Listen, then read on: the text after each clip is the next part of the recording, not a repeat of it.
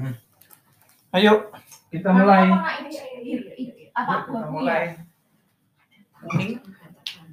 Kita mulai. malam hari ini nih yang pegang ini siapa? Ini adek. Ya malam hari ini kita mulai kebaktian malam. Mama sudah tertidur nyenyak tadi. Untung belum ngorok. Ya kita persiapkan dengan pembacaan dari renungan malam hari ini. Sebelumnya yang berdoa siapa malam? Ada yang berdoa. Ati sekarang. Ya deh. Apa toh? Hah apa? Apa? Oh kamu. iya. Bantal hijau. Kasih. Oke, thank you very much. Mari kita satu dalam doa. Tuhan Allah Bapa kami yang bertata di kerajaan surga, Tuhan kami sebenarnya nama Yesus Kristus. Terima kasih Tuhan.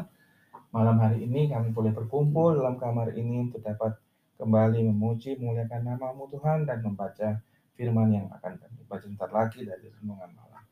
Kiranya apa yang akan kami lakukan ini boleh menjadi hal yang baik bagi kami dan menjadikan bekal bagi kami selalu melekat dalam hati dan pikiran kami sehingga selalu membuat kami menjadi berkat bagi diri kami pribadi maupun bagi banyak orang.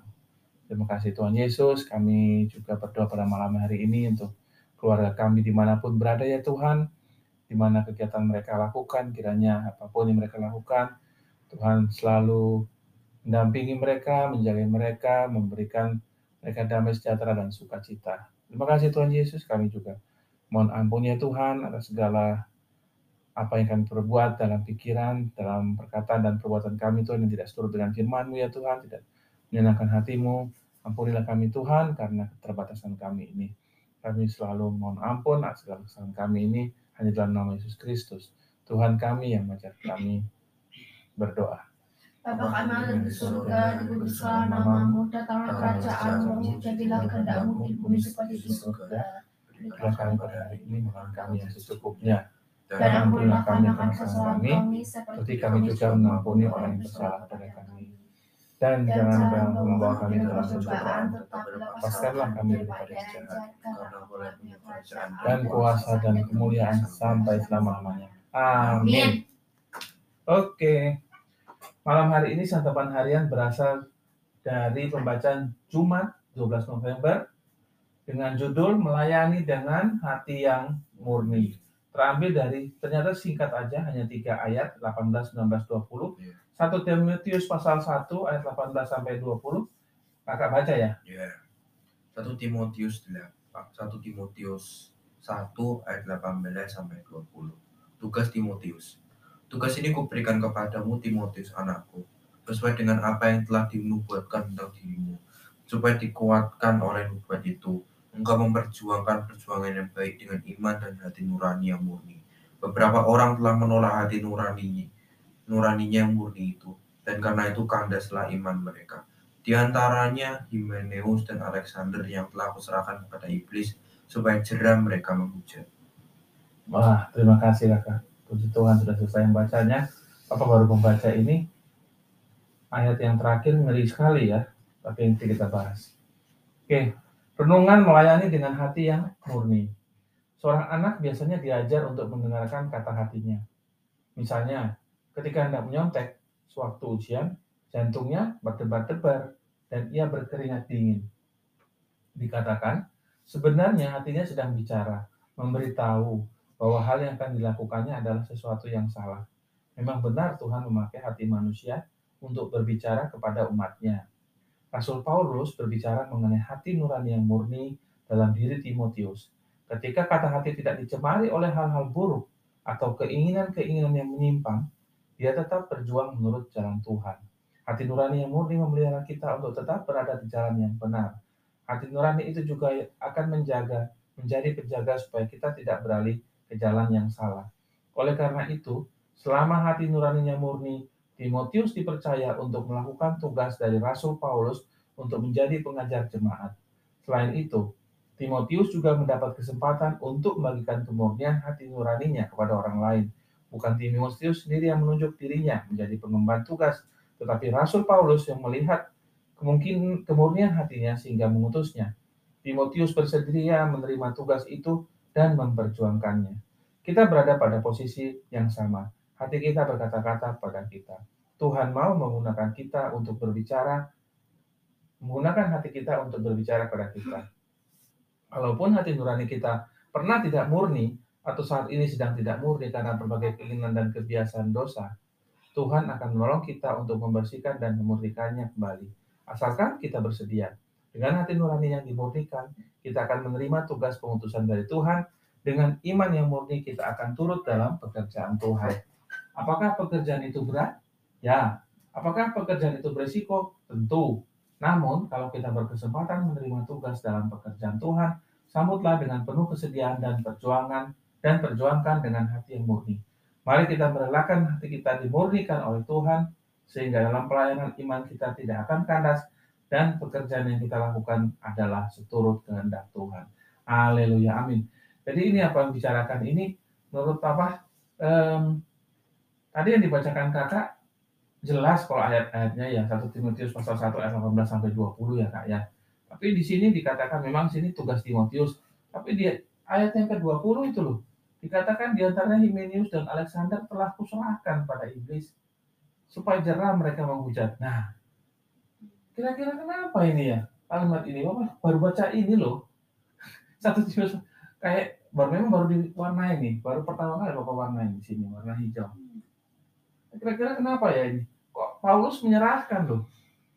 Himenius dan Alexander kuserahkan. Iya. Oh sambil bubuan. banget loh mah. Ya, sambil bubuan nggak apa-apa. Ya. Kenapa ini Himenius dan Alexander ini? Ada yang mau jawab nggak? Bantu jawab. Enggak. Kan baca tadi mau baca nggak? Itu loh di di, di adik. Iya. Baca itu ayat ke 21 20 itu.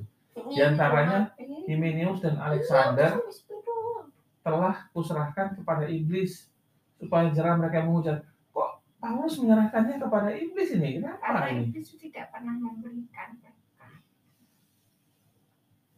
Gitu ya. Karena alasannya iblis tidak pernah Tapi berkat, makanya biar jelas dia menyembahnya. Ada suka menyembah iblis, terus makanya diserahkan kepada iblis. Hmm. Mungkin.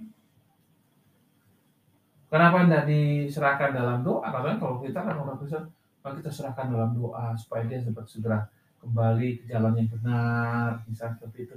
Kok ini dikatakan malah diserahkan kepada iblis, serahkan kepada iblis supaya jerah mereka menghujat gitu loh.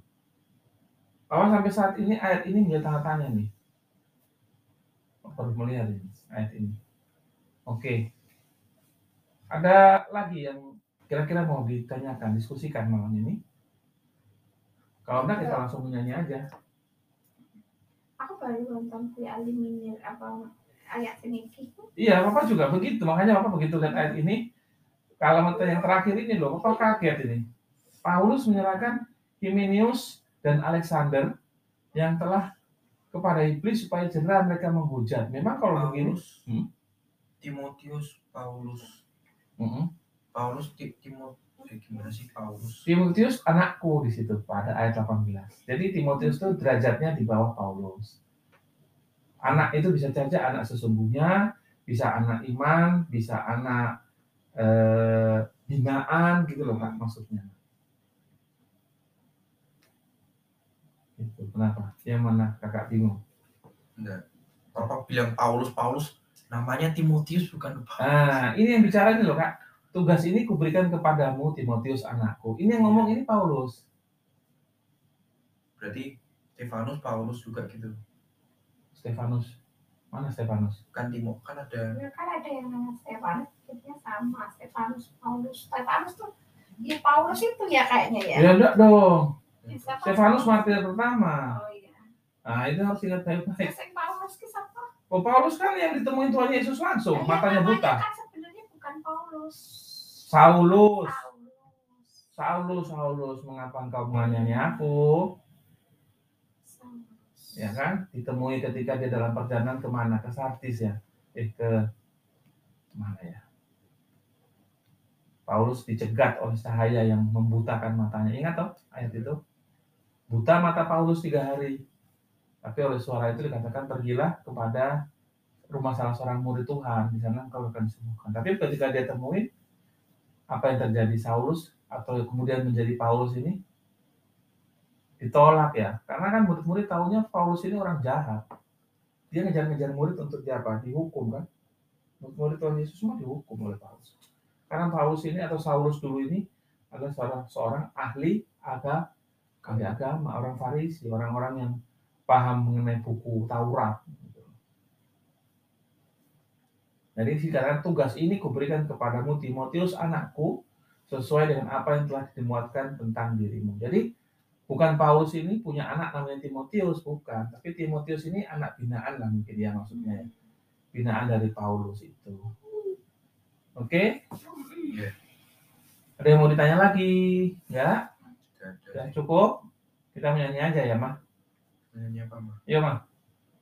Apa ya ikut aja? Paci satu. Kaji satu kan sudah kak. Kaji 383, sungguh indah kabar mulia. Gimana?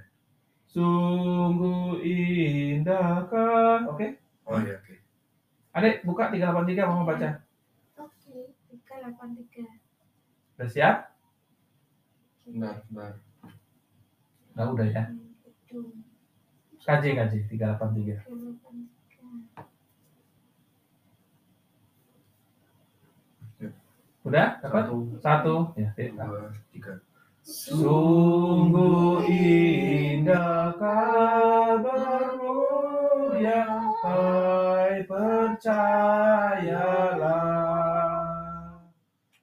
Yesus Kristus tak berubah selama-lamanya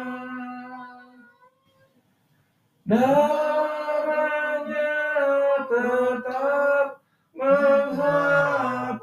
dosa dan celah.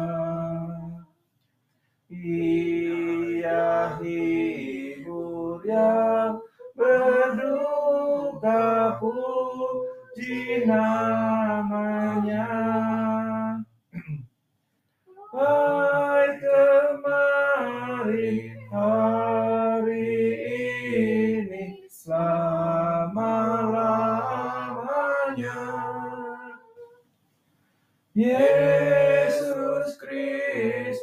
tak berubah puji namanya. Puji namanya. Puji namanya. Yesus Kristus tak berubah.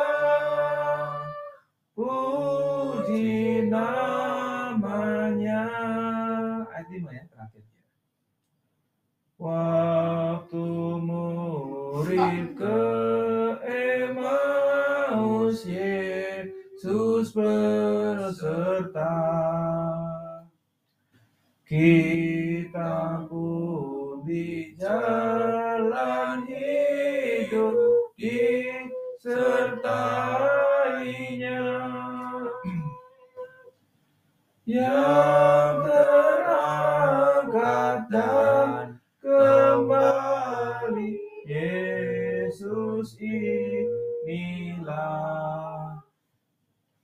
Kita akan melihat dia datang segera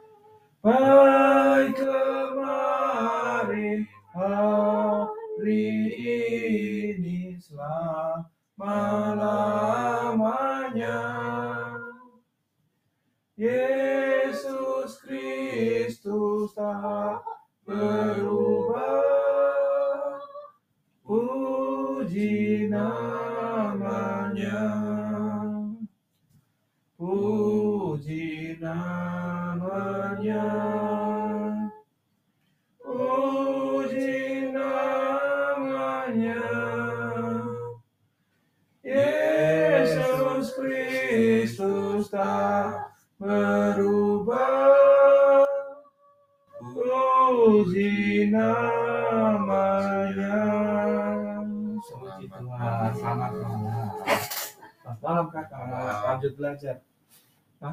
Enggak, kakak main game. Hah? Oh, ini bisa Sabtu. Oh ya bisa Sabtu.